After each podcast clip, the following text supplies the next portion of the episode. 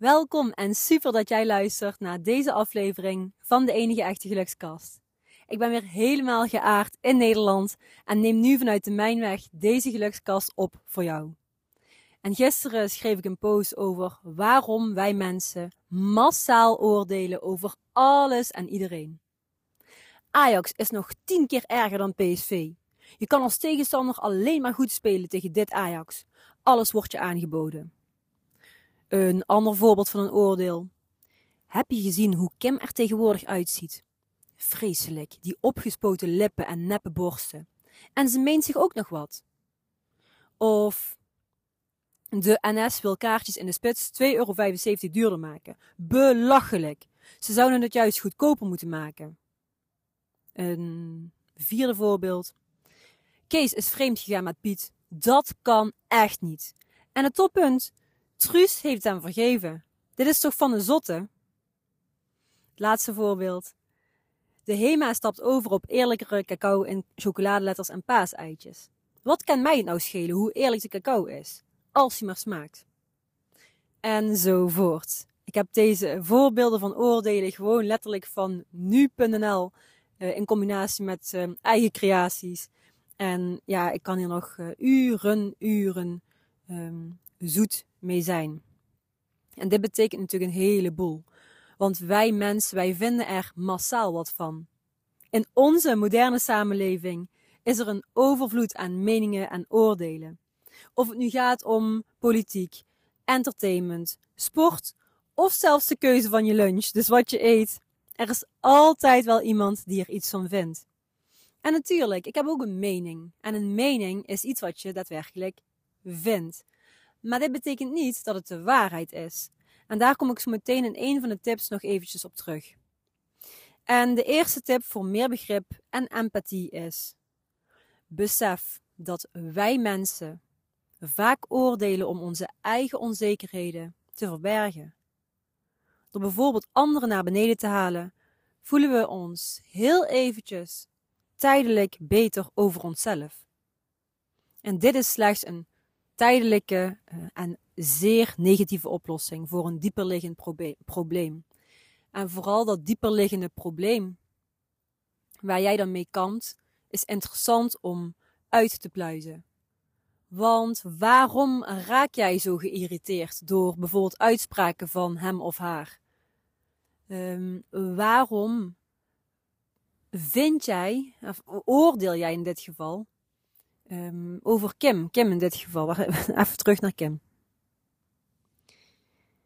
Ja, heb je gezien hoe Kim er tegenwoordig uitziet? Vreselijk die opgespoten lippen en neppe borsten. En ze meent zich ook nog wat. Wat betekent dit voor jou? Wat is de reden dat jij dit zo vreselijk vindt? Dus het is interessant om hier eens voor jezelf dieper op in te gaan. Uh, ook een stukje van de HEMA en een stukje eerlijkere cacao. Waarom kan jou dat niks schelen? Waarom gaat het jou over uh, pure smaak? Dus het boeit je niet dat eigenlijk uh, er wordt gezorgd voor een betere wereld. Wat zit eronder? In principe kun je ook al al die, die oordelen die ik zojuist heb genoemd, één voor één analyseren.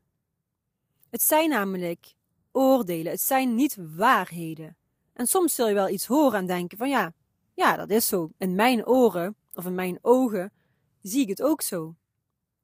En nogmaals, dat betekent dus niet automatisch dat het de waarheid is voor iedereen.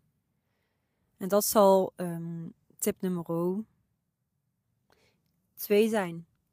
Besef dat een mening verschillend is van een oordeel. Je oordeelt als je zegt, dat soort mensen zijn achterlijk. En je geeft een mening als je zegt, ik vind dat soort mensen achterlijk. En dit jongens is een belangrijk verschil. Want in die eerste zin maak je het de waarheid nogmaals. En als je de zin aanvult met ik vind, dan besef je dat het jouw mening is. Dus niet de waarheid. Anderen kunnen en mogen iets anders vinden. Yes? Tip nummer 3. Vind ik een super mooie. Hou in je achterhoofd dat je never ever ooit het hele verhaal kent. Je ziet bijvoorbeeld altijd maar een mini-mini gedeelte van iemands leven. ik deel hier laatst ook iets over op Instagram. Ehm, dat er ook een keerzijde is. En dat je maar een mini-mini klein percentage ziet van mijn leven. En natuurlijk ook als, als quantum gelukscoach zijnde deel ik uh, heel veel om jou te inspireren, jouw tips te geven, jouw inzichten te geven, jou te motiveren. Uh, heel veel over het stuk coaching. En af en toe iets over mijn eigen leven, over uh, struggles, over bepaalde keerpunten die ik heb mogen doormaken.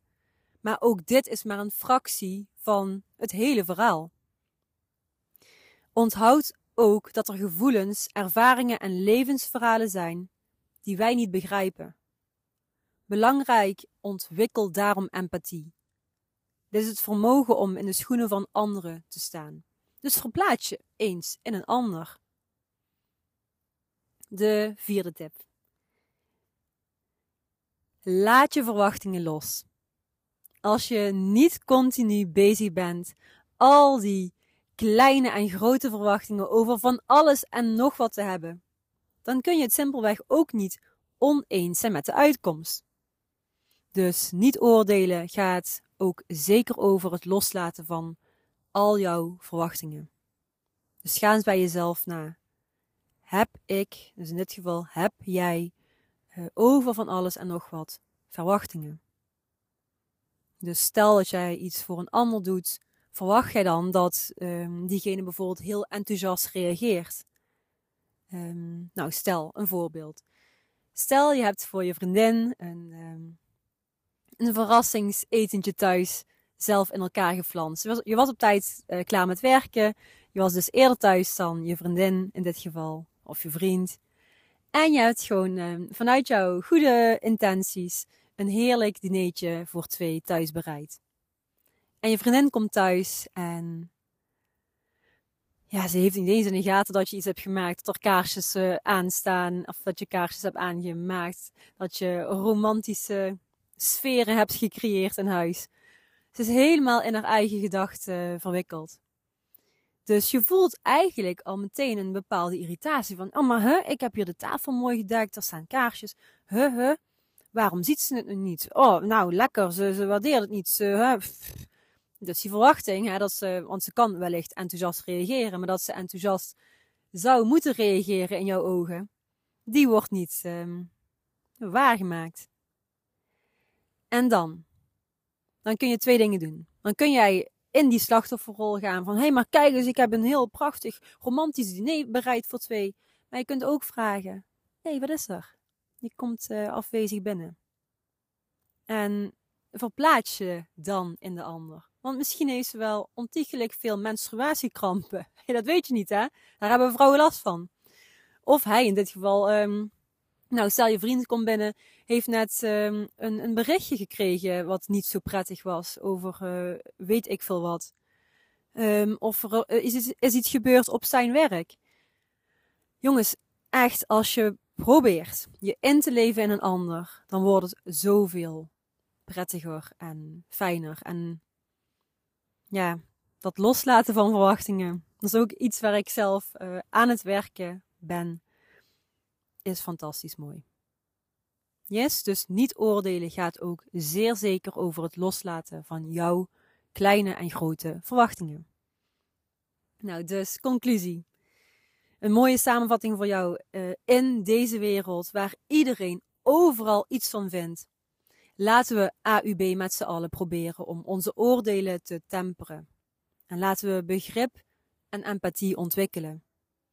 Laten we erkennen dat we allemaal stuk voor stuk imperfect zijn en dat het gewoon oké is om het soms ook niet eens te zijn. En laten we de kracht van die meningen gebruiken om positieve verandering te bevorderen in plaats van, en dit gebeurt overal, in plaats van verdeeldheid te zaaien. Ik hoop dat deze korte, krachtige gelukskast jou mooie inzichten heeft gegeven. Um, dankjewel voor het luisteren naar de gelukskast. Laat vooral ook even een review achter en deel deze aflevering met de mensen die je lief hebt.